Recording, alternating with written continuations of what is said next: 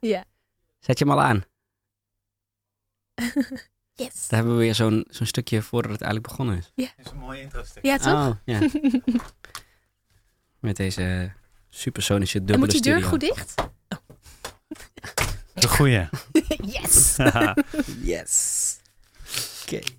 Ga jij nu officieel openen? Gaan we dit eraf knippen? Officieel, nee, we Nee? knippen niet. Nou, nee, we knippen niet. Goed shirt op jou, man. Ja, toch? Ja. Van mijn werkgever. Dacht ik al. Nou, niet gekregen. Ja. Oké. Welkom bij Loopraad. De, ehm, nou, ik wou de eerste zeggen, maar dat waren we niet. Maar eh, eh, de podcast, de Nederlandse podcast eh, voor hardlopers, door hardlopers. Eh, mijn naam is Tim Baks en naast mij aan mijn rechterhand zit eh, mijn metgezel, mijn co-host Anton Jan. Hoe is het? Goed, met jou? Ja? Ja, relaxed. Ja? Ja, we nemen er weer eentje op. Ja, weekend. Ja. Hoppa. Ehm, en eh, we, hebben, eh, we hebben een gast die ik echt super moeilijk kan zien door al die microfoons. Het zit helemaal... Ik zie er heel goed. Ja. Als ik niet naar jou kijk, tenminste. Nee, ehm, eh, we hebben een gast misschien... ehm, eh, eh, kennen jullie er wel? Ze heeft een redelijke following op, eh, op de gram, zoals je het noemt. Dat vond ik wel een goeie, op de gram. De Instagram, de IG.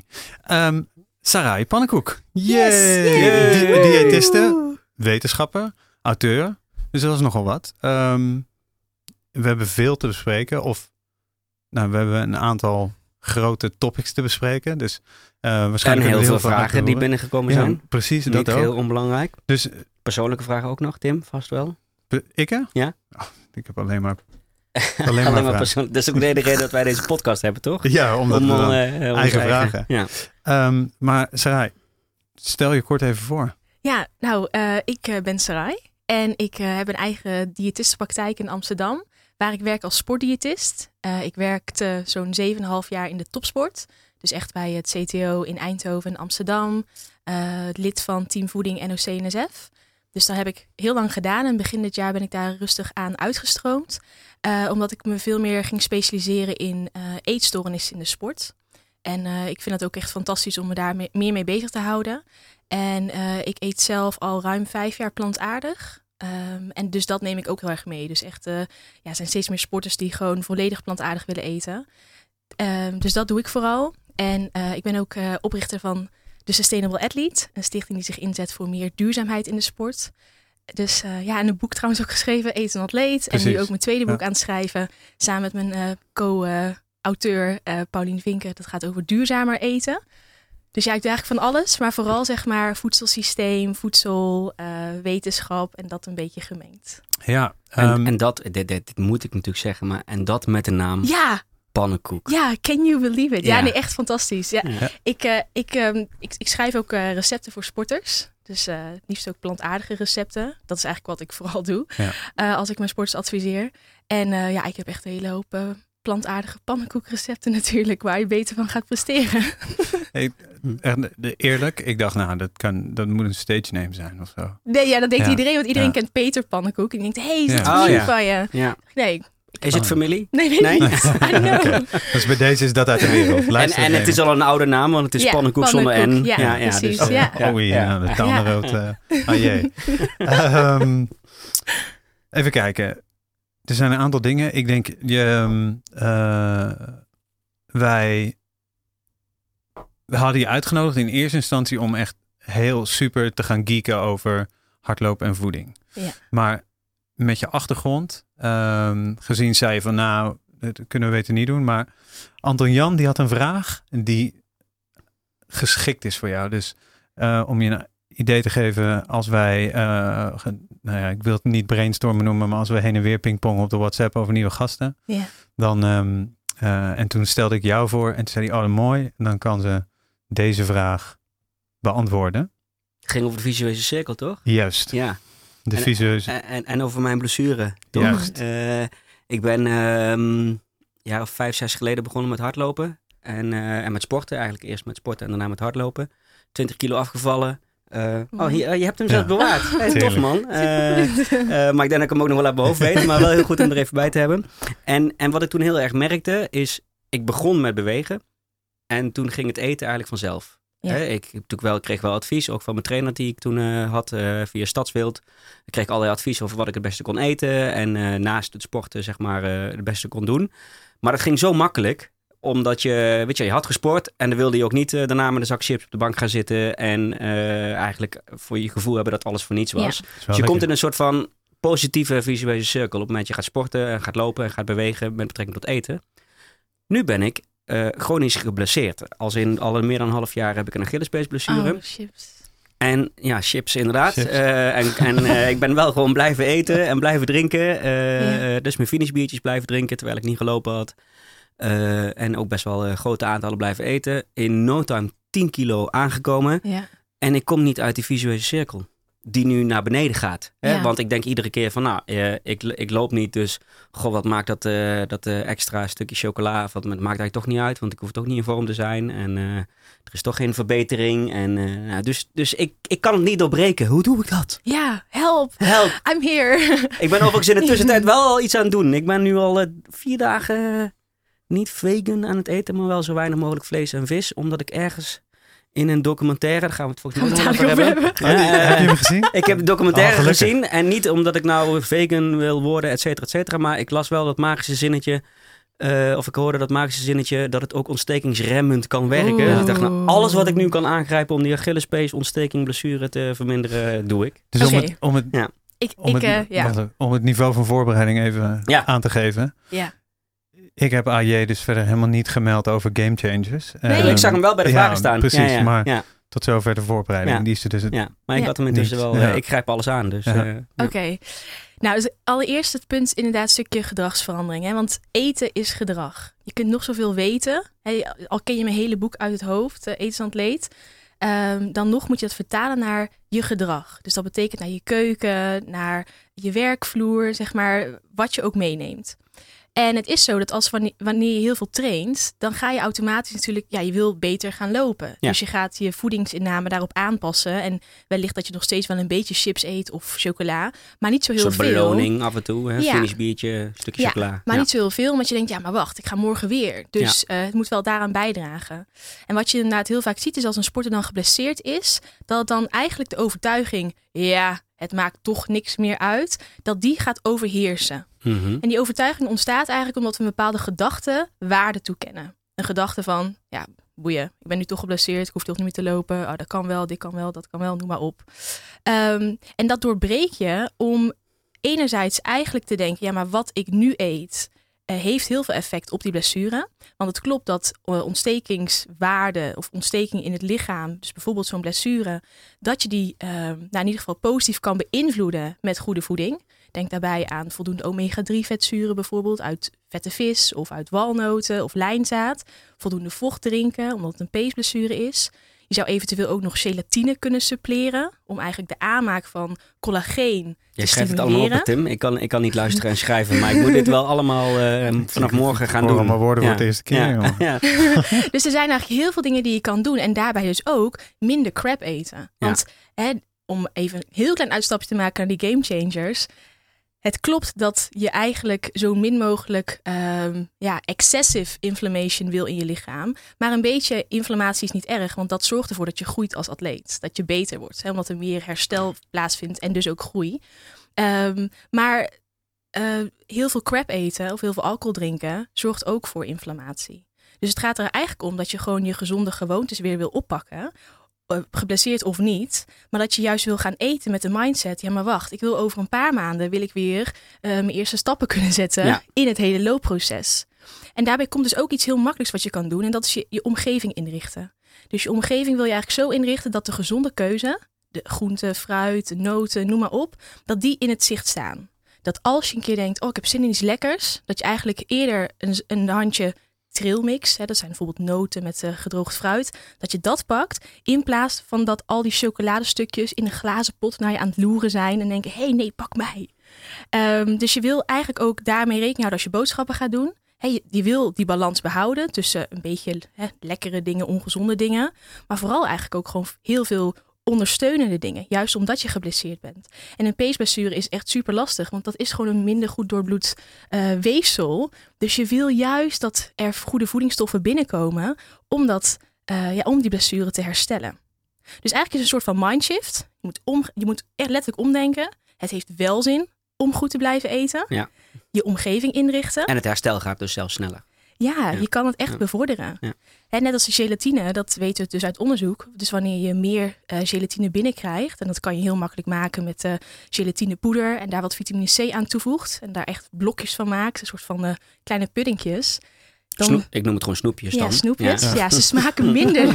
Ze smaken minder, wat maar het zijn snoepjes. Ja. Het zijn snoepjes, maar die dragen dus bijvoorbeeld bij aan ja, die collageen aanmaken wat weer nodig is in dat herstel van een peesblessure. Dus ik zou hem gewoon voor jezelf omdraaien en ja, het ook echt zo gaan zien dat het maakt eigenlijk niet uit of je nou geblesseerd bent of niet. Een gezond voedingspatroon heeft altijd voor, voordelen. Zowel op de korte termijn als over 100 jaar. Dat je over 100 jaar zegt van wow, top, ik kan nog steeds hardlopen. En dat komt eigenlijk omdat ik toen een knop heb omgezet in die blessureperiode. En ik ben gewoon goed voor mezelf gaan zorgen. Ja, wat mij dus wel lukte toen ik zo'n signaal kreeg van ik moet nu goed voor mezelf gaan zorgen en gaan bewegen. Precies. Eh, maar nu, Ja. je maar hebt nu, het eigenlijk al ja, gedaan. Ja, En, dit, en het kan zijn dat dit bijvoorbeeld een heel oud patroon is, wat al misschien in de eerste, weet ik veel, zoveel jaar van je leven eigenlijk eh, heel belangrijk is geweest. Maar nu weet je eigenlijk beter. En ook wanneer je bijvoorbeeld dan naar je werk gaat of je gaat eh, nou ja, ergens naartoe, zorg gewoon dat je altijd een appel in je tas hebt zitten. Of Ja. altijd eh, een, een, een zakje nootjes. Dat je dat altijd gewoon bij hebt. Dat als je dan met collega's eh, daarvoor wordt uitgenodigd. Of ze zeggen, hey, ik heb net de bitterballen taart. afgeslagen. ja, Goed hè? Ja. en dan zeg je, nou, ik heb een Ja. zakje nootjes. En dan eet je lekker je nootjes, weet je wel. Dus het gaat ook heel erg om om je eigen omgeving zo te creëren... dat als je wordt verleid tot een minder gezonde optie... dat je eigenlijk zelf je gezonde optie bij je hebt. Waarvan je denkt, nou, dit vind ik gewoon lekker. Ik eet dit nu eerst. En dan heb ik weer genoeg energie om goed na te denken. Wil ik nu dat biertje of wil ik nu die bitterballen? Ja. En ik bedoel, een biertje... er zijn nu ook alcoholvrije biertjes op de markt. Die, dat is nog een gezondere keuze dan een biertje met alcohol. Dus dat kan, ja, je kan er ook nog in, in kiezen. Er zijn zelfs best wel aardige alcoholvrije Ja, bieetjes op de markt. precies. Eh, Er zit nog steeds wel suiker in, en maar ik denk niet dat ja, ik helemaal zou stoppen met het drinken van een, eh, van een finish Balans. biertje. Maar, ja, balans. het gaat om balans. Want, want je, je zegt er bijvoorbeeld eh, omega-3, eh, v- visolie, maar dat past dan weer niet binnen het... eh, het- Veganistische dieet. Ja. Nee, dus dan zou je kunnen kijken naar bijvoorbeeld walnoten. Om dagelijks Oh ja. echt een handje walnoten te eten. Wat meer lijnzaad, bijvoorbeeld door je yoghurt. Ehm, nou, daar is het eigenlijk omega-3 in. Ja. En, en Ja. algen, algensuppletie zou je ook kunnen doen. Dus dan suppleer je algen, want omega-3 wordt aangemaakt door algen. Vissen eten weer algen, vandaar dat vissen ook omega-3 bevatten. Ehm, dus, eh, dus dat zou ook kunnen. Algen heb ik nog nooit gehad, denk ik. Nee. Nee. Ja, er zijn wel Ja. algen op de markt, maar een algensupplement is denk ik wel het makkelijkst. Ja. Ja. Ik weet niet of ik kan... Ik zal hier geen merken noemen, maar Google maar. Oh zo, ja, je mag alle Oh, merken mag noemen hoor. Ja. ja, ik heb eh, geen affiliate hoor, maar eh, je hebt twee hele mooie bedrijven hier in Nederland. Testa heet het en eh, Arctic Blue. Die verkopen Nee, algensupplementen. dat vinden wij zelfs interessant, toch? Merken. Ja. En dan Ja, zetten we het allemaal in de, in In de de show notes. precies. Ja. Ja. Ja. Ja, zo zou je kunnen kijken of, eh, hè, of, dat, of dat misschien iets is. Maar ook daarin geldt dus weer dat je dus niet, dit niet alleen doet eh, nu je geblesseerd bent, maar als je dadelijk weer kan trainen, dat je het nog steeds, die handjesnoten, eh fruit, groenten, Ja, maar algensupplement, dat je het blijft eh, voor jezelf herhalen. dan lukt het ook veel makkelijker. ja, Dan- echt dan- gedrag. ja. Wat ik, wat ik heel vaak heb, is dat mijn ochtend is prima. Weet je, dan kan ik alles laten staan. En dan heel langzaam gaat die ruggengraat. En dan Eh, aan het einde van de dag sta ik met mijn hoofd in een zak chips en eh, dan gaat hij op. Ja. En koekjes en Ja. alles wat ik kan vinden.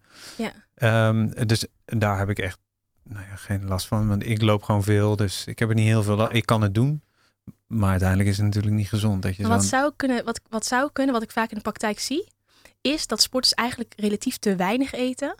Dus eigenlijk, eh, zeg maar, ze trainen heel veel. En toch het idee hebben van, ja, ik wil niet te veel eten, want dan kom ik aan. Dus daar dan toch mee bezig zijn. Maar het nooit echt, hebben, zelf hebben berekend van hoeveel ze nodig hebben. Of laten berekenen door bijvoorbeeld een sportdiëtist. Dus dan kan het zijn dat als je bijvoorbeeld ehm, eh, de vorige dag eh, flink wat kilometers hebt gelopen. Dan ben je de dag erna nog aan het herstellen van die loop.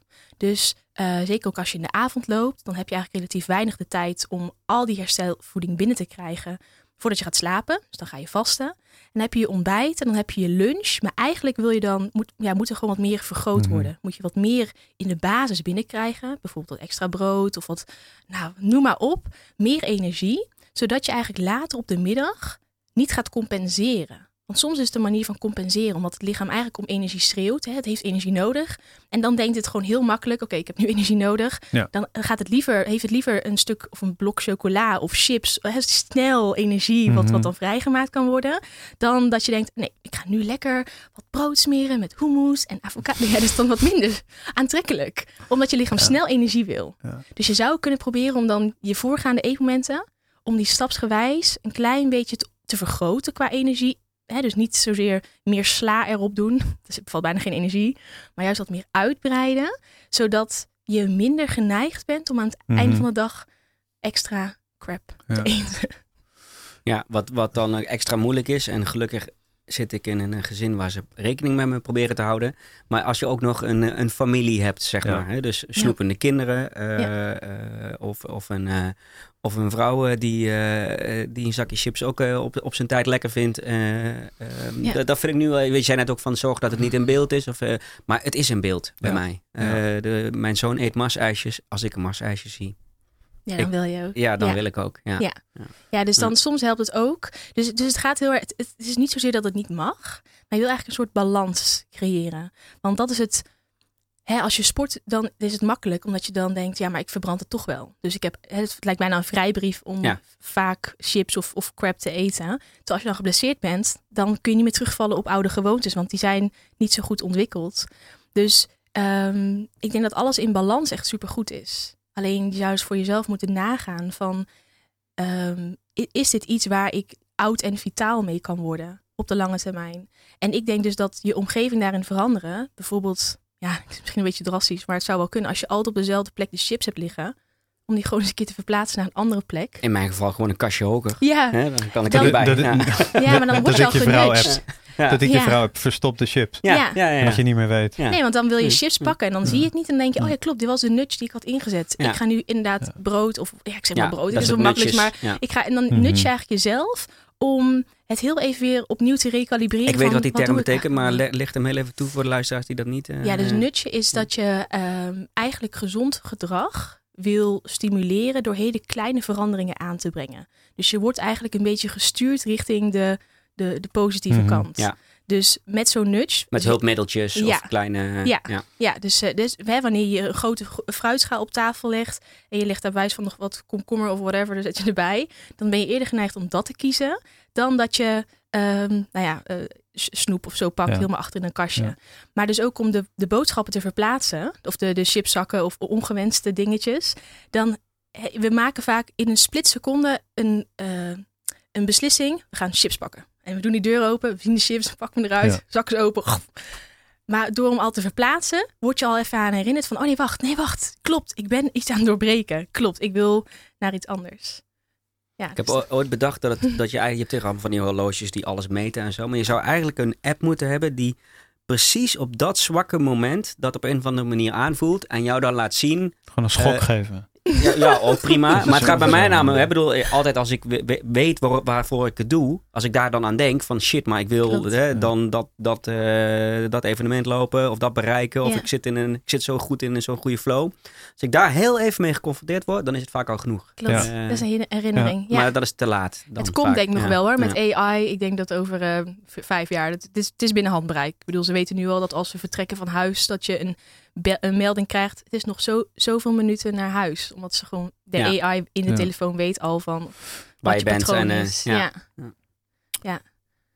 Is, is, je, ant- is je vraag een beetje beantwoord? Ja, Ja. en mijn, vraag, mijn, mijn vraag is beantwoord. Ehm, en, en, en hij is voor mezelf ook iets makkelijker geworden. Omdat ik dus, onder andere door het kijken van de documentaire... daar gaan we het toch maar over hebben meteen al... Ja, Ja. mooi Eh, ook, ook inzag dat het... En wat ik, ik zei ook iedere keer tegen mezelf van... eh, ja, weet je, en als ik dan dadelijk niet meer geblesseerd ben... dan komt het... Ik weet dat ik het namelijk kan. Dan komt het wel weer. Ja. Hè? Dan ga ik eh, rustig opbouwen. En voor, je- voordat ik weet loop ik weer die marathon of die ultra. En dan, dan vliegen die kilo's er vanzelf wel weer af.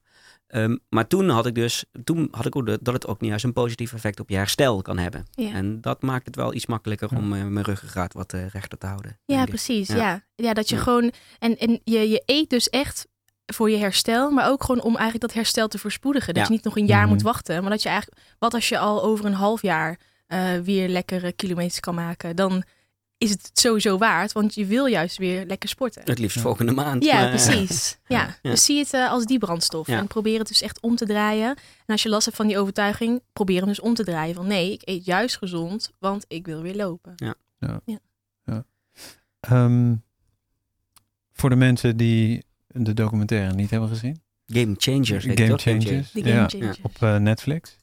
Ik heb hem denk ik twee weken geleden gezien, omdat eh, iemand eh, uit mijn team die, eh, die zei het. En die is dus daardoor een week eh, eh, helemaal van het vlees afgegaan.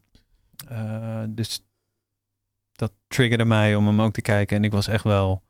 eh, Ja, ik, ik, dit had echt wel een indruk op me gemaakt. Dus, ehm, maar meestal hey, bij, die, bij dat soort... Je hebt van die documentaires Ja. en daar spreekt iedereen ook, oh, het is geweldig, het is geweldig. Maar dan zijn er wetenschappers en die prikken er zo doorheen. Eh, is dat bij Game Changers ook? We zullen hem trouwens in de show notes zetten. Ehm, maar is dat bij Game Changers ook? Of? Ja.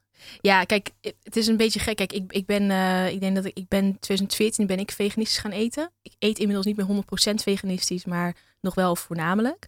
Ehm, maar ik heb ruim 4,5 jaar veganistisch gegeten. Ik heb toen onwijs goed eh, getraind en noem maar op. Het zou gek zijn als ik zou zeggen, de, de documentaire is verkeerd. Ja, want hij, want er, zitten, er zitten mooie dingen in. Kijk, het is, het is, het is tof om het te proberen. Maar als je gaat kijken naar de inhoud van de documentaire, dan ben zelfs ik als eh, plant-based eh sportdiëtist Mhm. en wetenschapper, ben ik het gewoon niet eens met de onzin die ze verkopen. Want, da- want Omdat da- het te single, single-minded is. Ja, te- en, te- en gewoon cherrypicking. Dit, dit is ja. geen science. Dit Nee. is geen wetenschap. ja, want, want Er komen dat allemaal is, witte jassen in voor. Ja, dat, dat is gewoon om Eh, het aan te dikken. Ja. Ja. want dat is de, dat is de documentaire. Er worden allemaal, eh, eh, er komen allemaal sporters langs die op een topniveau eh, presteren, maar die allemaal een plant-based Inclusief onze hebben. grote held uh, Scott, Scott Jurek. Ja, Ja. precies. Ja. School Jurek was voor mij, toen ik net veganistisch ging eten, wilde ik meer leren over sport, Nou, heb je- voeding en Ja, hij heeft vegan. boek Heb je- geschreven. Zijn boeken heb ik Ja. allemaal, ja, Ja. precies. Run and Eat. Ja. Ja, ja, en Show notes. eh, ja, super cool. Dus ehm, ja, wat, kan ik, ik, wa- wat ik erover kan zeggen is, het is een beetje in lijn met bijvoorbeeld What the Health. Dat was ook zo'n documentaire, Ja. ja. Cowspiracy. Dat zijn Ja. allemaal documentaires die vanuit een bepaald oogpunt ges- eh, gemaakt zijn. Dus ehm er er verliest dan een soort van objectiviteit. Ook al laten ze, het, of laten ze het zien alsof er wel een soort van objectiviteit is. Maar ja, al die wetenschap die toont allemaal aan. Maar als je in die wetenschap gaat graven, dan zie je eigenlijk dat het, dat het echt geen wetenschap is. Dat het meer review-artikelen zijn of opinions. Ehm, en dat maakt het eigenlijk dat, ja, dat, dat het gewoon heel erg onderbelicht is wat dan eh, de objectiviteit van zo'n documentaire Ja, is. elke studie die het aantoont, heb je waarschijnlijk zes studies die iets Ja, anders je- zeggen. Ja, Ja. ja, maar in ieder geval, Hm. je, hebt, je hebt niet gekeken naar de op. Een wetenschapper wil juist objectief informatie. Dus die wil, heeft een bepaalde vraagstelling en die wil die gaan toetsen aan de hand van wetenschap. En er wordt een hele methodiek bovenop geplakt en gedaan en uitgevoerd. En dan krijg je een conclusie. En wat je nu ziet bij bijvoorbeeld de Game Changers, is zij hadden al een belief system. Namelijk dat eh, sporters plantaardig eten en dat dat goed is voor prestaties. Dus ze zijn eigenlijk met die, eh, niet eens hypothese, Gaan maar gewoon die, naar hun eh, die mening aanname, gaan zoeken zijn ze naar... gewoon eh, naar bevestiging gaan zoeken van die aanname. En dat Ja. heet cherrypicking. Ja. Ja. En natuurlijk wordt het dan heel mooi verpakt en wordt helemaal gedaan alsof het plantaardige voeding, eh, voedingspatroon, weet je wel, het eh, ehm, eh, patroon is voor een sporter om maximaal te kunnen presteren. Maar dat is gewoon niet. Dat, het, het, het, het, het, eh, voedingspatroon waar je maximaal mee kan presteren is iets wat heel goed bij je past, waar je goed op reageert, ehm, waar je blij van wordt, eh, noem maar op. En dat kan volledig plantaardig zijn, dat kan vegetarisch zijn, dat kan omnivorisch zijn, dat kan allemaal. Maar om nou te zeggen dat het plantaardige voedingspatroon voor elke atleet een must is om Mhm. daarmee, weet ik veel, eh, alle wedstrijden te kunnen winnen. Ja, dat vind ik wel echt een beetje te ver gaan. Ja. En ehm, wat ik ook heel. Ja, ik, ik heb die, die documentaire drie keer gezien. Ik ben nu bezig met een review aan het schrijven. Gewoon een kritische review vanuit mijn kant. Mhm. Want ik vind het nogmaals, ik vind het fantastisch als ik op het spreekuur eh, sporters binnenkrijg die zeggen: Hi, ik wil vegan eten, kan je me helpen? Vind ik geweldig. Want ik denk, tof, we gaan Die even hebben, aan de net zoals bij de documentaire gezien, Ja. die zijn Ja. geprikkeld. En, Ja. eh, Maar ja, we gaan het ja. wel meten. Dus Ja. we gaan wel kijken, kun je het wel volhouden? En Ja. wat zijn überhaupt je beweegredenen? Want als je alleen je beweegreden is, ja, ik wil het gewoon doen omdat ik eh, dan beter ga presteren. Ja, mm, dan dat hoeft niet. Ja, je kan precies. ook anders Ja. eten. Ja. Maar als je het wil doen omdat je eh, dat dierenleed echt verschrikkelijk vindt en Dat daar minder aan wil doen. Ja. Of ja, tuurlijk, eh, allemaal welkom. Ehm, maar wat dus verder ook in die documentaire, ja, hè, dat is die inflammatie waar ik net over had. Ehm, je hele levensstijl, dat zorgt ervoor hoeveel meer inflammatie je eigenlijk hebt. Dus als je veel stil zit, niks doet, elke dag een zak chips leeg eet, heb je net zoveel eh, inflammatie als wanneer je, nou ja, wh- whatever zou doen. Dus Ja. het heeft heel erg leefstijl gerelateerd te maken en niet zozeer met een stuk vlees. Kun je beter elke dag naar Loetje gaan, maar wel er naartoe wandelen, dan dat je... Joggen, ja, hardlopen. dan, eh, ja. Ja, maar het heeft heel erg te maken dus met de levensstijl. En hier zie je gewoon dat ze hele, ja, ze doen uitspraken waarvan ik denk, nou, dat, dat, is, dat kan niet zo zwart-wit zijn. En dat is het ook niet. En Nee. dat Maar stoort dit, dit me dan. is natuurlijk, ja, ik terecht dat je het je stoort, maar dit is natuurlijk wel inherent überhaupt aan elke voedingshype. En, Documentaire eh, ook, ja, documentaire, zeker. eh, Ja, Montagnac dieet. En, Ja. eh, bedoel, en dan Ja, alles is, moet dan ook rigoureus. Ja. En, eh, maar dat kom je in de sport ook best wel veel tegen. Ja, Ik het bedoel, je mooie- hoeft de mens held elke maand Ja. of twee maanden, ik weet niet, Klopt. eh, om maar Ja. open te slaan. En er is elke, elke keer wel een nieuw iets. ja, ja, want Ja. eerst was het bijvoorbeeld, eh, ik weet nog een paar jaar geleden was het heel erg paleo. ja, Ja. Ik weet nog, ja, toen studeerde met ik af. en- eh, crossfit natuurlijk. ja, alles moest CrossFit. paleo. Alles moest paleo. Ja. Je mocht geen havermout meer. Je Nee. mocht eh, al die dingen, dat was allemaal slecht voor je. En toen kwam het, volgens mij het ketogene dieet. Van, Ja. Die moeten allemaal keto zijn en dan dit. Nu is het plant-based. En ja, dat is een beetje het nadeel van dat soort hypes. Dat je wil eigenlijk dat iedereen gewoon voor zichzelf bepaalt wat werkt. En als dat wel het veganistisch voedingspatroon is, go for it. Als het vegetarisch is, Of go als het vanuit it. een bepaalde overtuiging Ja, is. precies. Doe Ja. het. Ja. Zolang je maar niet in zwart-wit blijft denken. Want dat zie ik dus ook vaak in mijn praktijk. Ik werk ook heel vaak met eetges- eh, cliënten, die- sporters die een eetstoornis hebben. Eh, die zijn dan veganistisch gaan eten en die zi- zien alles zo zwart-wit. Dat ze eigenlijk zelfs binnen het veganistisch voedingspatroon ja, echt een, een vorm van orthorexia ontwikkelen. Dus waar die- waar, waarbij ze alleen nog maar... De, Orthorexia? ja, de orthorexia is echt de obsessie voor alleen maar gezonde voeding. Oh ja, ja, ja. En zeker ook als je bijvoorbeeld duursport doet en je wil alleen maar gezonde voeding eten en niet te veel. Ja, dan op een gegeven moment kun je dan echt in de gevarenzone komen dat je gewoon ja, te licht wordt om je sport Mhm. goed te kunnen beoefenen. En uiteindelijk overtraind bijvoorbeeld raakt. Ja. Dus ik heb gewoon heel veel moeite met die rigorositeit van eh, goed, fout, je moet dit, je mag dat niet meer, dat is gevaarlijk. We weten wat gezonde voeding is. We weten ook welke producten minder gezond zijn. En laten we vooral nou ja, op de gezonde producten focussen, maar ook in ons achterhoofd houden waarvan we weten dat daar een consensus is, internationaal gezien, over de producten die niet gezond zijn. En dat zijn de ultra-processed foods. Mhm. Dat zijn producten die gewoon super zwaar bewerkt zijn. Zoals koek, chips, maar ook bepaalde vormen van vlees. Hè, die helemaal bewerkt zijn en dat je je bijna niet meer herkent van, van wat voor stuk dier komt het eigenlijk. Ja. Ehm, ja, die wil je zo min mogelijk tot je nemen. Want daarvan weten we, die zijn hoog in zout, hoog in suiker, hoog in verzadigd vet. Dat is schadelijk op lange termijn. Maar al het andere, ja, eh, een stuk kip eh, kan heel gezond zijn als het niet zo bewerkt is. Maar het is maar net wat je de voorkeur verleent. Vind je kip lekker of niet? Eh, hoe ben je opgevoed? Wat is je cultuur? Eh, stel jij wil helemaal vegan eten, maar je familie thuis die denkt no way. Mhm. Mhm. Ja, wil, is, het je, is het dat je waard dat Ja. je dan halve botsing krijgt thuis Ja. bij het avondeten? Of dat je vijf pannetjes klaar moet hebben voor ieder wat? Ik, ja, ik denk dat, daar- dat je daar meer over moet nadenken van... Wat is dan de eetcultuur waar wij ons bij aansluiten? Ik ga er gewoon meteen mee stoppen.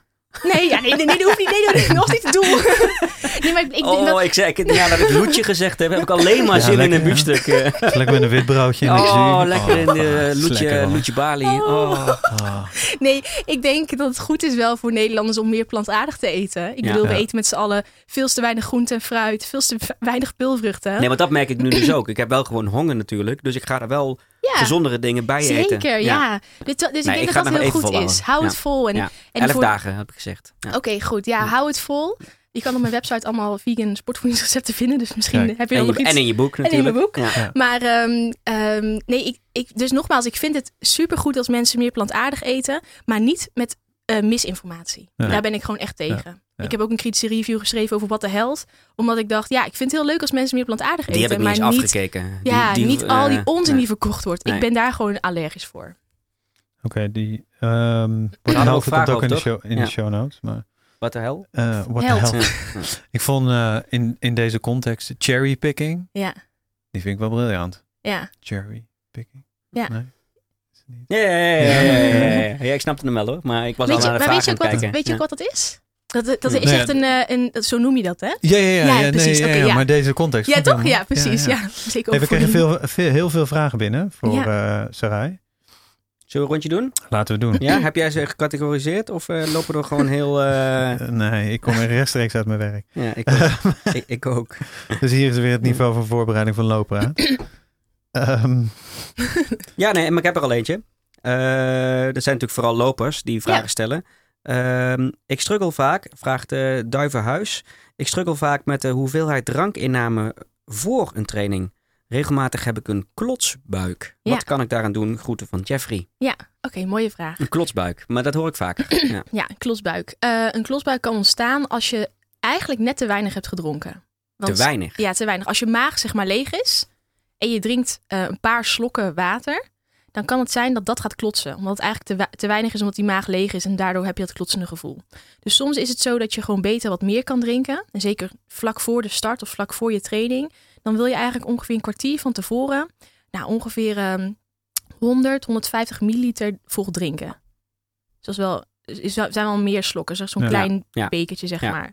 Nou, vaak denken sporters van nee, niet doen, want dan moet ik plassen. Alleen dat vocht wordt juist gebruikt voor eh, zweet, aanmaak. Dus daar hoef je niet van te plassen. En als je dan toch denkt dat je moet plassen, is dat vaak een soort van zenuwplasje. Komt er bijna niks uit.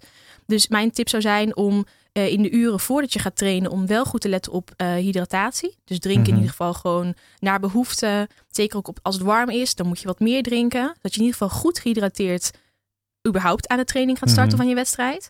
En dan een kwartier van tevoren probeer dan nog ongeveer 100, 150 milliliter vocht te drinken. En dan Ja. bij voorkeur gewoon water. en hoeveel, eh, wa- wat raad je aan zeg maar, in de dagen? eh, de, stel, eh AJ gaat, die is er helemaal stelt en die gaat een, een knijter van een ultra lopen. Ehm, waterinname in de dagen daarvoor, is dat gewoon 2 liter? Is dat prima? Of moet je dan juist meer omdat je naar zo'n gigantische prestatie toe werkt? Nou, het mooie is, je hoeft niet per se meer te drinken. Want je gaat naar behoefte waarschijnlijk meer drinken als het bijvoorbeeld heel warm is. Eh, want je kan nooit meer drinken dan dat je lichaam nodig heeft. Want dat plast je lichaam dan weer uit. Dus eh, je kan een beetje die richtlijn van anderhalf à 2 liter per dag aanhouden. Maar wat, ehm, wat fijner is, is ongeveer 0,4 milliliter per kilogram lichaamsgewicht. Om dat aan te houden. Dat is nu dus meer dan normaal. Oh nee, wacht. Ik zeg het verkeerd. Nee, wacht. 0, Oké, scrap that. oh my god. Ja, maar- het, Ja. staat in ons boek. Ja. Er is, we, we, we gingen namelijk in ons boek gingen we berekenen, of gingen we uit van die 2 liter. En we dachten, waar komt die 2 liter eigenlijk vandaan? Ja. Hele wetenschap doorgespitst. En toen kwamen we dus bij een, bij een paar eh, ja, eh, absolute getallen. Die dus, hè, jij bent, eh, nou misschien... eh, je Te hebt veel een- kilo. Nee, je bent een bepaalde Te lengte en klein. een, Ja. en een gewicht. Dat is natuurlijk een andere vochtinname dan iemand die eh 2,5 meter Ja. is, zeg maar. Ja. Dus dan is het veel meer op lichaamsgericht. Ehm, oh god, ik moet het echt even opzoeken. Dit is echt, maar ik ben gewoon niet goed met cijfers. Ik Nou, kan, dan gaan we er later bij in de show notes gaan we dat aan Ja. toevoegen. Dat komt goed. Oké, ik heb hier een, ehm, eh, een vraag van, eh, eh, van Josse. Ja. Ehm, en Oh ja. ehm, vooraf hebben wij daar Ja. ook even over gemaild. Ehm, er is, eh, ik ga eerst even de vraag van Josse voorlezen en dan ga ik hem eh, verder eh, oppakken. Dus, ehm, Goed aan zegt- Josse. Goed aan Josse. In de, in de afgelopen maanden hebben een aantal vooraanstaande duursporters openlijk gepraat over een strijd met voeding, gewicht en daaruit voortvloeiende mentale struggles. Eh, lopers als Amelia Boone, Boone eh, Chris Moko eh, en onlangs eh, Nike Salazar-atlete eh, Mary Kane eh, en fietser Elise Lichtley. Lichtley. Mm. Ja. Oh, en deze is super. En deze is lastig. Jannie, En nog wat? Jannie Ja. nog iets. Jannie B. Ehm, Kom jij persoonlijk ook in aanraking met sporters op hoog niveau die een verstoorde verhouding hebben met voeding? Dat hebben we net gehoord, dat dat Ja. je specialisatie ja, dat is. jouw Ja. specialisatie is, precies. Ehm, eh, weet je hoe deze verhouding ontstaat en breder? Hoe kunnen, eh, kunnen raken we giftige termen als eh, racegewicht, cheat day en guilt-free kwijt? Ja, prachtig. Dus oké, we moeten eerst even bij, eh, we moeten het eerst over Mary Kane hebben. Ja. Ehm, super talentvolle Dat is loopster. hier van de week toch ook op social en zo, eh dat Ja. filmpje naar buiten kwam van Ja. ik ben eigenlijk gewoon uitge... Ja, ze is, ze is Ja. Ja. mentaal, psychisch en lichamelijk gewoon gemarteld bijna Ja. door die, eh zegt ze. Ja. Ehm, die, We hebben geen horen en wederhoren gedaan, hè? Dus voordat we Nee, dadelijk net zoals Auke Kok een eh, rechtszaak aan onze broek hebben, eh, hebben hangen. eh, Nou, en dat, Maar- dat vind ik ook. Ik vind, eh, weet je, super heftig. Ik zal de film in de, eh, in de show notes ga ik Ja. naar linken. Het is een super heftig filmpje eh, wat zij ja, ik vertelt. het gezien. Ja. Ehm, maar ik heb ook wel zoiets van. De timing is opvallend, want eh, Alberto Salazar ligt toch al op de grond. En zij trapt dan nog even lekker na. Dat is ook een beetje het gevoel die ik erbij heb. Maar laat ik En ze is er zelf bij geweest. En ze is er zelf bij geweest. Eh, de ouders zijn er Ja. gewoon zelf bij geweest. Want dit was echt een meisje waar we het over hebben. Dus zij, super talentvol. Die is ehm, in de eh, eh, college days in Amerika is zij naar de Nike Organ Project toegegaan. Is ze verhuisd, daar is ze gaan trainen. En daar is ze helemaal uitgewoond. Waardoor ze op een bepaald moment al, volgens mij, in drie maanden de, niet meer ongesteld is geweest. Ehm, dus, nou, dat Mary Kane. Terug naar de vraag van Josse. Jij hebt daar ervaring mee. Ja. En- Ja, en- ja, zeker. en hoe ja, doorbreek veel. je dat? Dat, Ja. dat is Ja. denk ik de, de, de belangrijkste vraag, Ja. toch? Ja, Nou, en wat ik persoonlijk dan ook wel, zijn dit Amerikaanse praktijken of zie je dit ook wel terug in de Europese en specifieker de Nederlandse sportwereld? ja dit, dit komt overal ter wereld voor waar gewoon eh, sport wordt beoefend op hoog niveau. Of in ieder geval wordt geprobeerd om op hoog niveau bijvoorbeeld mee te komen. Ehm, en dat heeft heel erg te maken met de filosofie dat we denken dat, ehm, eh, ze ze zegt ook wel eens, thin is going to win. Ze denken vaak, eh, zeker ook in de duursport, eigenlijk overal in elke sport waar je massa mee moet nemen voor een bepaalde tijd. eh, of in gewichtsklassen sporten bewijzen van, denken de atleten, en, maar zeker ook de, de staf, dus de begeleiding, de coaches, eh, die denken vaak ehm, eh, hoe dunner iemand is, dus hoe minder massa iemand meeneemt, ja, hoe, hoe, hoe beter. Want dan heb je gewoon voorsprong op alle andere zwaardere sporters bewijzen van. En dat is gewoon iets waar we hopelijk van afkomen Mhm. ooit. Ehm, en waar de oorzaak ligt, dat, dat kan verschillende factoren hebben. Dat kan gewoon zijn dat, dat, dat een. Ik heb het een keer bij judo-training gezien, waarbij een vijfjarig judo-kindje, die had de dag erna, ik gaf een lezing of een voorlichting workshop. En de dag erna hadden ze jeugdwedstrijd. En de trainer vloepte er gewoon uit van: hey, je bent al niet op gewicht. Zoiets zei hij, eh, stop maar even met brood eten. Zoiets, Een- zo- zo'n random ding. Ja. En ik zat echt bijna mijn mond veel open. Ik dacht, Wauw. dit kind is Ja. super jong. Hoe kan dit? Ja. Dus het, soms is het al vanaf jongs af aan dat het al wordt gezegd tegen een atleet. Dat zie je vaak bij, bij die sporten waar ze al vanaf jongs af aan bezig zijn. Ehm, ja, dus dan kan dat al trigger, getriggerd worden. Hè? Mhm. En als een, als een sporter dan later in, zo'n, in zijn leven weer zoiets te horen krijgt, dan denkt van oké, zie je wel, ik moet echt iets doen aan mijn gewicht. Het nadeel is dat als het niet goed gemonitord wordt, iemand letterlijk, en dat zag je ook bij Mary Kane, hè, ze, ze was eigenlijk super talentvol.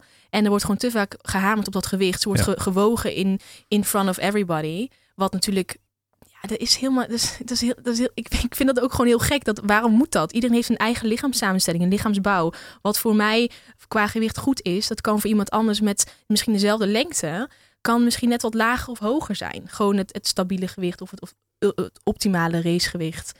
Ehm, maar ja, ik denk dat er verschillende omstandigheden voor kunnen zorgen dat iemand letterlijk heel erg obsedeerd wordt door het lichaamssamenstelling, het lichaamsgewicht. En daarmee dus met voeding en training aan de haal gaat. En voeding is dan iets heel makkelijks, want je kan het wel eten of niet eten. Je kan uitspugen, je kan compenseren door middel van extra training. Je kan ook, hè, wat, wat je dan vaak ziet als mensen dan geblesseerd zijn, gaan ze toch nog trainen. Of als mensen een herstelperiode hebben, gaan ze toch nog fanatiek trainen, omdat ze Mhm. in de overtuiging zijn van ja, maar als ik nu niet train, dan word ik alleen maar dikker. Ehm, dus er moet eigenlijk veel meer aandacht komen voor die gezonde relatie en dus ook die balans tussen gezond eten en obsessief eten. Hè, want eigenlijk wil je, ja, iedere topsporter is redelijk obsessief met eten, want je hebt het nodig als brandstof, herstel, noem maar op. Maar er zit er gewoon een hele dunne lijn tussen het nog steeds doen voor je, voor je sport of juist eh, ja, die andere kant, zeg maar, en echt richting het verstoorde eetgedrag aangaan.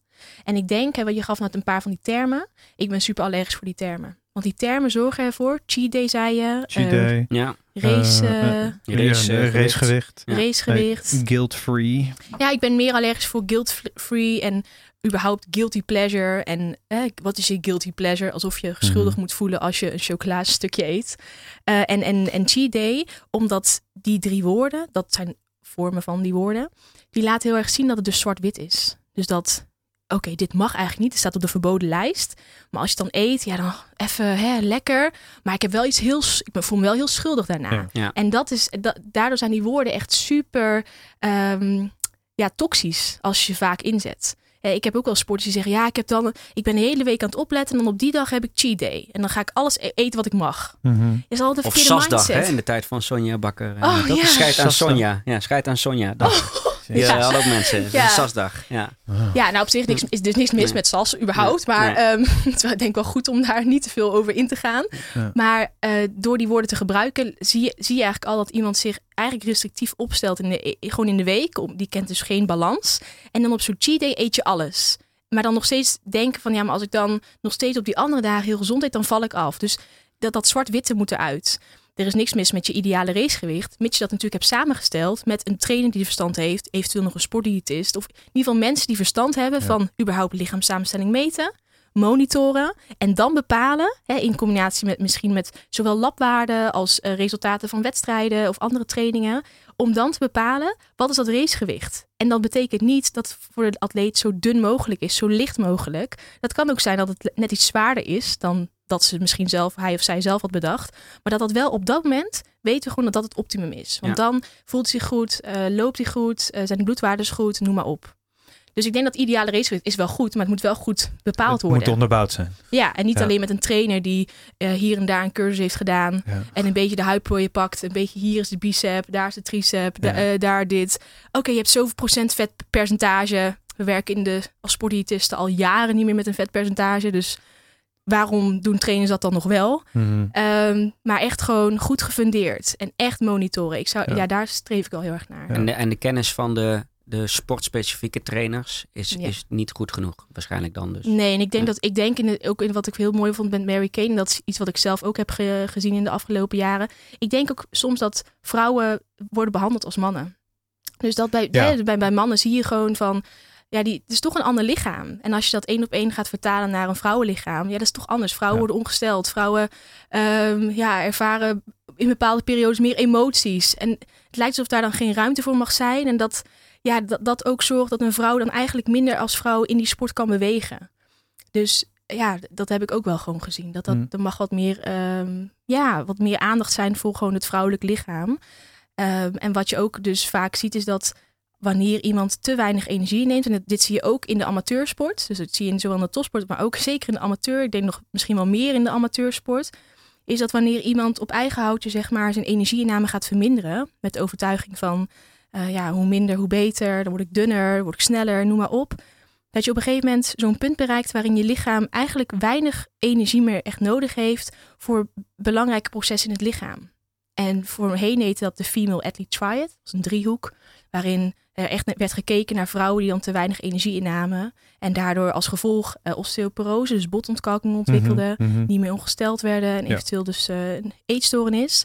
Maar we, we vergaten eigenlijk daarbij dat mannen, die kunnen dat ook krijgen. Ja. En daardoor hebben ze de Red S-syndroom het leven ingeroepen. En dat is de Relative, Relative Energy Deficiency in Sport Syndrome. En daarin kijken ze dus naar zowel mannen als vrouwen die relatief te weinig energie binnenkrijgen, waardoor er te weinig energie beschikbaar is voor belangrijke fysiologische processen in het lichaam. En dat heeft dan bijvoorbeeld gevolgen hè, dat ongesteldheid uitblijft, maar ook dat testosteron minder wordt aangemaakt. En er zijn heel veel gevolgen die dat Red S-syndroom met zich meebrengt, wanneer er over lange tijd te weinig energie wordt binnengekregen. En daar hoeft de sporter aan zich niet meteen iets van te merken. Dat kan dat het vaak pas wat veel later wordt vastgesteld, maar dat al die processen al in werking zijn gezet omdat er te weinig gegeten wordt. Hmm. En vandaar dat het heel belangrijk is om als sporter om niet te denken dat je steeds maar minder moet eten. Want dat kan gewoon niet. Zeker niet als je veel duursport doet, veel hard loopt. Je hebt je energie nodig om te blijven presteren. En soms betekent dat dat het wel meer dan 3000 calorieën per dag is. En dat is helemaal oké. En Ja. je Maar kan je- jezelf ook niet vergelijken met de buurvrouw die niks Als doet. het maar de juiste calorieën. Ja, precies. Ja. Die invulling van die ka- Gezonde, calorieën. ja, ook Hadden we ook een vraag over, hè? Ja. Oh, nee, dat gaat niet over calorieën, maar over koolhydraten. Hoe zit het nou met die koolhydraten? Welke Ja. soorten zijn er als er Oh, verschil is? En waar Toch kan je het beste... Toch nog een klein beetje koolhydraten. Ja, en waar kan je het beste op welk moment nemen? Vraagt Martijn Marco. Ja, dus de hele Martijn koolhydraten Verhoeven. hype. Ja. Ja, de hele koolhydra- hype over dat koolhydraten, dat je daar dik van wordt en dat je er niet meer van moet eten. Dat is echt de grootste onzin ever. Het gaat erom, als je kijkt naar de koolhydratenfamilie, dan zie je zowel dat er suikers in zitten als zetmeelstructuren. dus suikers zijn meer eh, de isotone drankjes, eh, fruitsuikers, eh, snoep. En de zetmeelstructuren zijn meer volkoren brood, graanproducten, peulvruchten, noem maar op. En ehm, eigenlijk wil je gewoon een combinatie van beide hebben. Waarbij ik denk dat in de basisvoeding meer zetmeel is handiger. Hè, want je kan ook je koolhydraten in de basisvoeding hebben, halen uit alleen maar winegums. Maar daar word je alleen maar heel misselijk van. En waarschijnlijk zit er weinig voedingswaarde in. Maar ehm, eh, je hebt je koolhydraten dus nodig. En je kan het beste gewoon kijken als je dus over de, overdag eet. Dat je in ieder geval bij elke... Als je fanatiek hard loopt, daar ga ik even dan van uit. Want dan heb je ze sowieso heel erg nodig voor glycogeen in je spieren. En glycogeen is weer je energievoorraad tijdens het hardlopen. Uh, maar in ieder geval dat je ze gewoon verspreid over de dag inneemt. Dus bij het ontbijt een goede koolhydraatbron. Bijvoorbeeld muesli yoghurt of in je Alpro soja kwark. Uh, of brood of uh, havermout. Hè. Dat zijn allemaal super gezonde producten van, met koolhydraten. Voor je lunch, weet ik veel, een salade met pulvruchten, kikkererwten, noem maar op. Of een wrap of nou ja, van alles wat. Ik krijg helaas nog steeds geen honger. wel wel van een loetje, maar niet... ja. En, uh, en, bij het avondeten dus ook, hè, weet ik veel, aardappel, maar kan ook rijst, uh, noem maar op. En je wilt dus eigenlijk binnen die koolhydraatfamilie gewoon kiezen voor voedzame koolhydraten. Dus die vezels bevatten, zoals voor koolhydraten, uh, maar ook ehm, vitamines, mineralen. Hè, dat je daar echt naar streeft. En als je dan de keuze hebt in pita broodjes bewijzen van, dat je niet kiest voor het witte pita broodje, maar juist voor de volkoren variant. Mhm. Dat is dan de basisvoeding. En wanneer je dan echt sportspecifiek gaat kijken naar het hardlopen zelf, dan wil je rondom dat hardloopmoment wat meer suikers integreren. een banaantje vlak voor de start is super handig, heb je snel wat energie. Uh, maar ook tijdens het lopen, uh, nou ja, banaan, jelletjes, uh, rijst, cakejes, nou ja, van alles wat. Omdat je juist wil dat het lichaam het snel omzet in energie. En ook in het herstel is het soms wel fijn om dan wat meer simpele koolhydraten te nemen. Zodat je in ieder geval het snel die piek aan insuline hebt waarmee dus eigenlijk alles weer naar de cellen wordt getransporteerd. Maar je hebt als sporter koolhydraten nodig. En ik weet dat daar ook weer onwijs veel anekdotes voor zijn dat dat niet hoeft en noem maar op. En ook ehm, documentaires. Documentaires waarschijnlijk, ook, ja. Maar dat, uh, dat hoeft dus niet. Ik denk dat het juist super gezond is om het wel te eten. Maar kies wel voor de juiste koolhydraten. In plaats van alleen maar taart en koeken en dat soort dingen. Ja, dat hm. zou eigenlijk mijn antwoord zijn. Ik denk dat Taart en koeken. Lekker man. Uh, ja, ik denk dat, uh, ik, ik, denk dat de vraag... Ben je ook vega? Uh, koeken zijn altijd vega, toch? Nee, nee, nee. Er zit heel vaak ei in en dat soort dingen. Ja. ja. Je hebt al oh. vegan koeken hoor. Oh. Volgens mij ben je ook... Dit is cheat day voor aaien. cheat day. nee, ik heb vandaag nog geen koekjes gehad. Hey, um, er is nog een vraag voor je. Ja. Um, ben je zelf ook een hardloper? Nee, ik, ja, nee. Nou, ik, ik, loop wel hard nu, maar dat is meer ondersteunend aan mijn crossfit. En uh, ik heb wel hard gelopen. In uh, eh, 2009 of 2008 heb ik de halve marathon van Amsterdam gelopen. Maar... Je bent bij een hardloop podcast. Ja. Dus daar hoort een tijd bij. Ja, dat was twee uur en Nee hoor, er hoort helemaal geen tijd bij. Hoezo? Nee, wel. Okay. Nee, maar ik, weet, nee, maar ik was er vooral over nadenken. Want ik zag die vragen voorbij komen. Maar ik, had, ik heb zelf een eetstoornis gehad. En ik zat, Kijk, toen ik hard liep, toen ik hardlopen deed, deed ik eigenlijk, want ik kom uit de vechtsport, kickboksen en, en Braziliaans jiu-jitsu. En dat heb ik op uh, goed niveau gedaan. Maar hardlopen was zeg maar mijn uh, compensatiemanier. Dus vandaar dat ik eigenlijk, ik, ik loop nu twee keer in de week hard, gewoon voor het leuk. Ik doe ook geen tijd, omdat ik mhm. eigenlijk weet hoe het was. Dat was echt mijn copingstrategie. Toen liep ik echt makkelijk 10 kilometer in de ochtend en dan train ik vier uur lang nog in de avond en uh, weinig energieinname. En dat heb ik echt een aantal jaren gedaan. Dus vandaar dat ik nooit echt mijn liefde voor hardlopen op een goede manier heb ontwikkeld.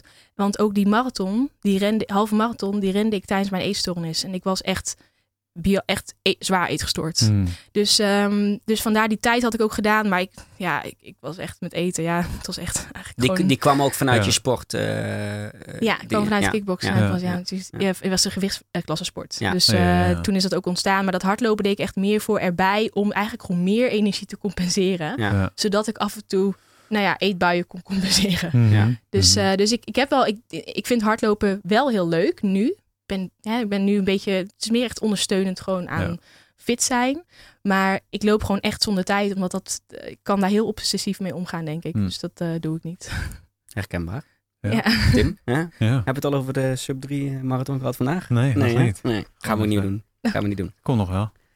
ik had zelf nog een, uh, ik, ik, weet er zijn vast nog meer vragen, maar ik had ook nog een vraag, iets wat ik de laatste tijd veel tegenkom. en het heeft met voeding te maken, dus ik stel hem gewoon. Ja. Um, uh, dat waren uh, stickers.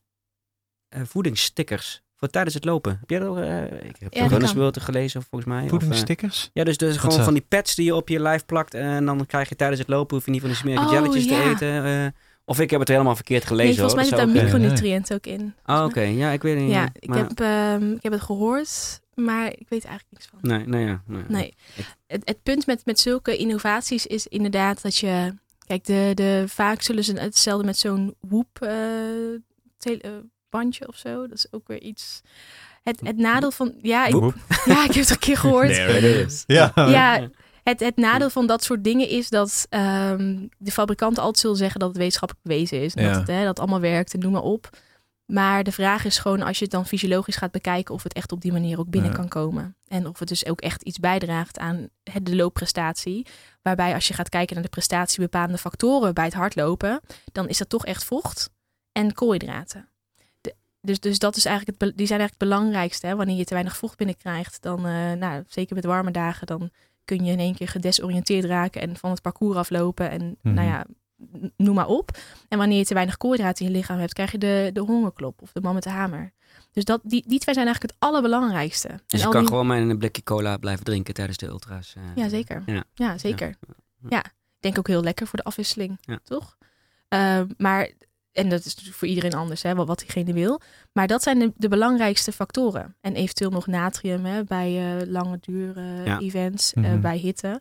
Maar dus het andere is, dat is, is altijd een beetje een soort van discutabel, omdat het eigenlijk wat lager op de ladder staat. Van, dat is iets minder belangrijk. De belangrijkste Ja, voorwaarden misschien zijn wel een eigenlijk andere placebo-effect hebben en dat helpt Ja. natuurlijk Ja. ook. Ja. Ja. Dat helpt Ja. sowieso. Ja. Ja. Ja. We hebben nog helemaal niet eh, de, de vaste rubrieken als in eh, je, je loopgadget. Maar dat hoeft dan dus ook niet. Nee. Want eh Hardloopschoenen. hardloopschoenen, ja, ja, dat is wel heel handig. Ja. Ja. Ik heb hele kleine Ehm, schoenen. loop je met muziek?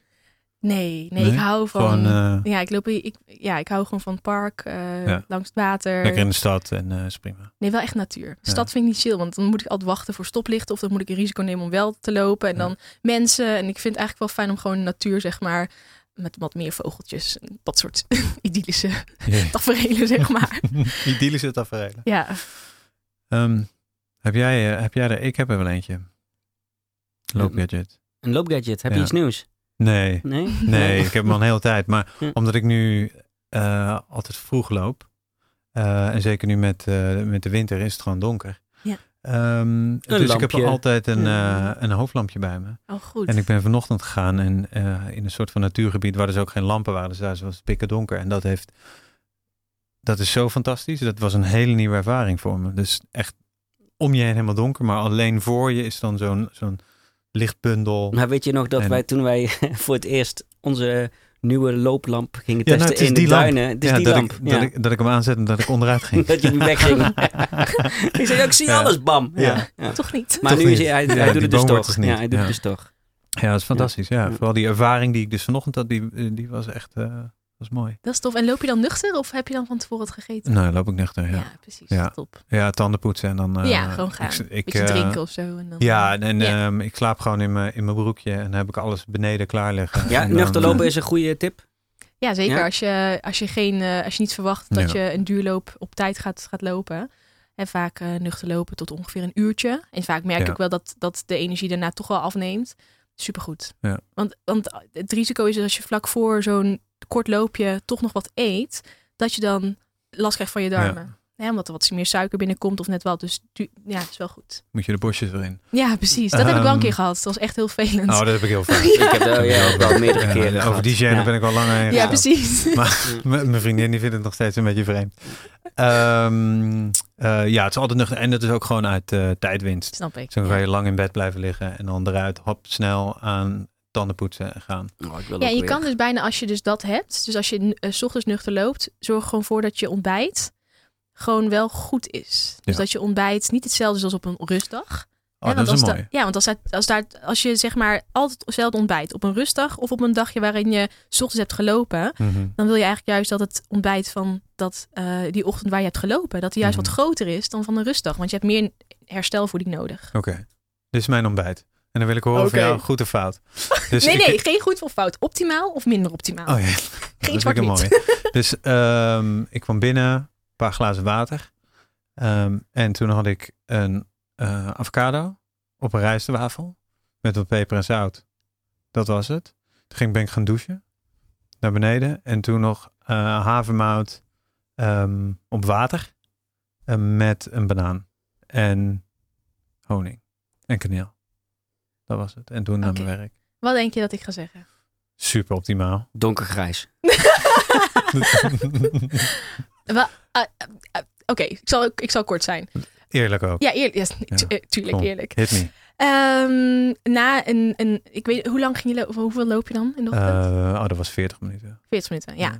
Nou, je wil in ieder geval sowieso of je nou niet hebt eh, getraind of wel, je wil eiwitten ook in je ontbijt. Dus eiwitten, koolhydraten, een beetje Ja. vet. Dus als ik zo naar je ontbijt nu kijk, vanuit voedingskundig oogpunt, dan denk ik, hmm, er zitten Mist- weinig eiwit in. Ja, hè, zeker havermout op basis van water. Dan denk ik, waarom water? Waarom niet gewoon soja of eh, melk, eh sojadrink of Ja. normale melk? Heb je toch wat meer eiwitten binnen. En ja, dus ik zou dat als, als, als eh, tip doen. En ik weet natuurlijk niet hoeveel havermout je doet. Maar wat je dus zou kunnen doen is... Je, ja, zo ongeveer 50 Lepel. gram. Ja, Ja. 50 gram. Ik, ik denk dat er wat meer mag. Ja? Ja, wat meer koolhydraten. Ja, maar wat je kan doen, ik bedoel, dat is nu even een gok. Hè? Wat je kan doen is je voeding eens bijhouden in bijvoorbeeld de eetmeter. Dat is een app van het voedingscentrum. Dus Oké. dat, eh, er staan geen gekke dingen in of zo.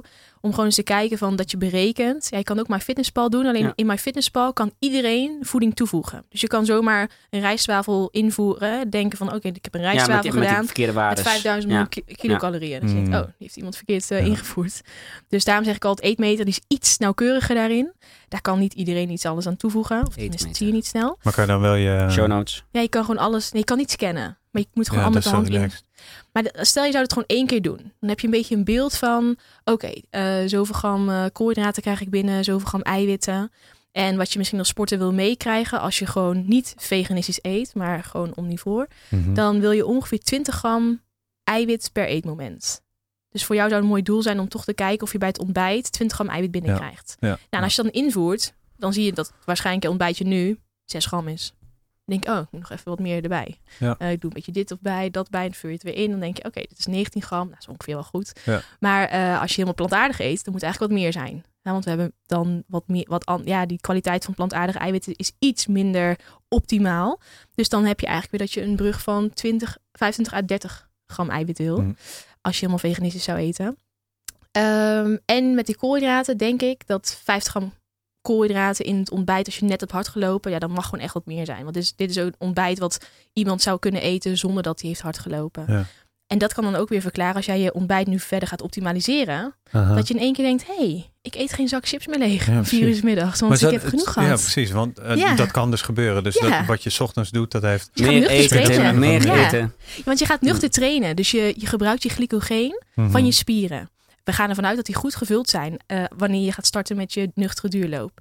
Dus je maakt Chips een van van de avond ervoor. Ja, precies, ja. Dit is een beetje zo'n cirkeltje inderdaad. Ja. Dus, je, dus je wil eigenlijk dat je dan ehm, wat meer koolhydraten in dat ontbijtje doet. Zodat Mhm. je je die glycogeen weer kan aanvullen en je lichaam gewoon weer in een goede balans is. En dan je lunch en je snackjes en doe maar op. Ik, het zou zomaar kunnen zijn dat als jij het nu gaat optimaliseren, dat je over een paar weken zegt, hey Sarai, het werkt. Misschien in deel 2. ja. Ja, wel, want de, eh, goed dat je zegt Tim, we moeten gaan afronden. Ja. Maar deel 2 gaat er komen. Want volgens mij hebben... he- Ik heb sowieso nog heel veel vragen. Maar je hebt natuurlijk ook nog een boek geschreven. Dus dat, Ja. eh, daar kunnen misschien ook mensen terecht eh, Ja. met hun vragen. Ja. Volgens mij hoor ik jou ook zeggen, eh, tussen de regels door... ehm, eh, eh, ba- balans is belangrijk, ga niet achter hypes aan. Eh, en het is heel persoonlijk. Oftewel, eh, op het moment dat je het heel belangrijk vindt en eh, het eh, een serieuze hobby wordt, is het misschien ook handig om er iemand bij te halen die, eh, die er wat meer eh, verstand van heeft. eh, eh, zoals jij zelf. Ehm, maar we willen toch afsluiten met één ultieme tip die voor iedereen. Hè, eh, wij hebben dan de loop je niet kapotkast tip. Maar Ja. misschien moeten we daar dan maken je- de eet je niet- niet kapotkast tip. Oh ja. Die voor iedereen. Eh, Ja. Wat is het eerste wat jij bijvoorbeeld aanpakt als iemand bij jou binnenkomt? Eh, naast balans en eh, kijken wat doe je nu en wat zijn je doelen. Maar wat is het eerste wat je zegt? En dat Stop je- daarmee ja. of begin daarmee. Of, eh, Ja, het eerste wat ik vaak integreer, wat ik vaak zie als iemand binnenkomt heel serieus is met zijn training, is dat er wat meer extraatjes worden weggelaten. Dus ik ga heel erg kijken van wat vind je, waar word je, van welke voeding, van welke voeding word je nou super gelukkig? En hoe kan je dat integreren in je voedingspatroon? Friet. Finish, Ja, maar- bier, finish bier. Ja.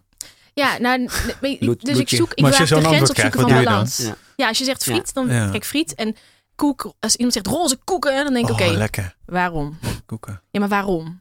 Snap je? Dus wat- waarom vind je dat zo uber, uber lekker? Of wat, wat, wat levert het je op? Er wordt toch van hoofdluis gemaakt of zo? Of wat, eh, er wordt, eh, Roze koeken?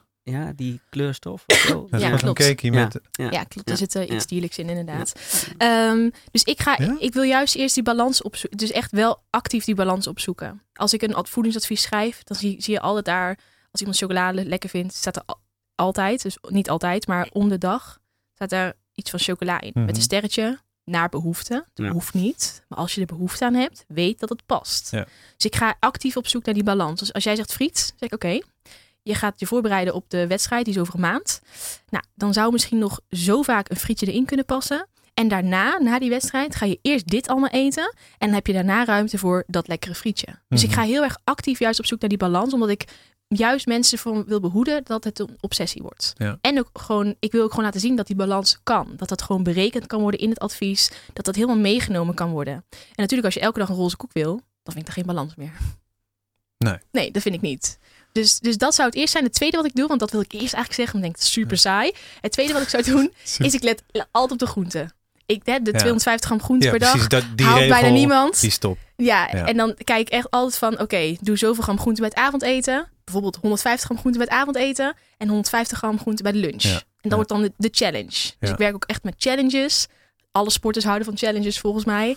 En daag jezelf uit. Het hoeft niet allemaal perfect. Het kan ook nooit. Maar daag jezelf uit om elke keer weer optimaler, optimaler Mhm. eh, gewoon te leven, te presteren, te eten, slapen, noem maar op. Ja. Dus dat is eigenlijk twee. Dus ik twee. wilde eigenlijk groente zeggen, Twee maar dat vind ik saai. Dus dat Maar wel heel Ja. waardevol. Ja, toch? Eet meer groente. Eat your veggies. Ja. Je moeder zegt het al altijd. Ja, Michelle Obama zei dat. Kids, eat your veggies. Ik dacht, oké, dank je, top. Daar gaan we het mee afsluiten. Yes. Hey, eh, als laatste, eh Sarai, waar eh, kunnen mensen jou vinden?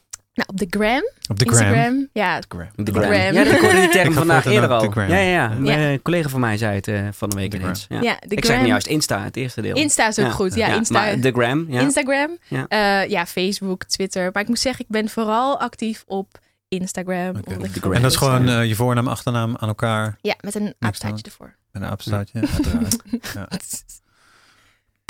Oké. En, en natuurlijk ook gewoon op saraypannenkoek.com. Ja. En eh, we hebben natuurlijk ook die stichting Sustainable Athlete. Dus als je duurzaamheid heel tof vindt in de sport en je zou meer daarvoor willen doen, meld je aan. We kunnen altijd vrijwilligers gebruiken die, eh, of ambassadeurs die het heel tof vinden om meer duurzaamheid in de sport te, neer te zetten. Dus eh, dat kan ook. Nice. Dank Ja. jullie wel. Dankjewel. Dankjewel. Dank je. Ehm, Ja, moet je weer naar een andere ruimte rennen om hem uit te gaan zetten, hè? ja, maar ik moet eerst nog even promoten, toch? Ja. Oh ja, shit. Dus ja. eh, we Ja. hebben Ja. looppraat.nl. Het is een tierorganisatie. Ja. We hebben looppraat.nl. Daar kan je Mhm. inschrijven voor de nieuwsbrief. En dan ben je Ja. als eerste op de hoogte van de nieuwe aflevering. We hebben natuurlijk een review achterlaten op eh, iTunes. Dat is super belangrijk. Daardoor komen we bovenaan. ja. Bij de sport in de sportcategorie.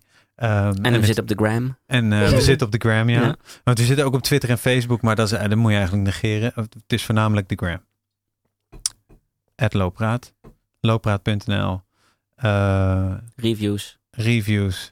En dat is het. Ik ga nu naar de andere kant van de studio lopen en dan zet ik hem uit. Wij, pra- wij, wij, Sarai, wij praten. Je hebt wel een hele grote dopper. Dat is Ja. handig. Ja, Daar zit twee liter in of zo. of Nee, nee, nee, nee, nee. Het is Ja. nog steeds 800 milliliter. Maar dit is Ja. een, eh, ehm, ja, hoe zeg je dat? Oh ja, thermoskan. Thermoskan. Maar Ja. koud water is ook heel lekker. Het blijft lekker Ja. koud. Zeker met dit weer. Zo Ja, volgens mij gaan we er nu uit. Of Doei. niet?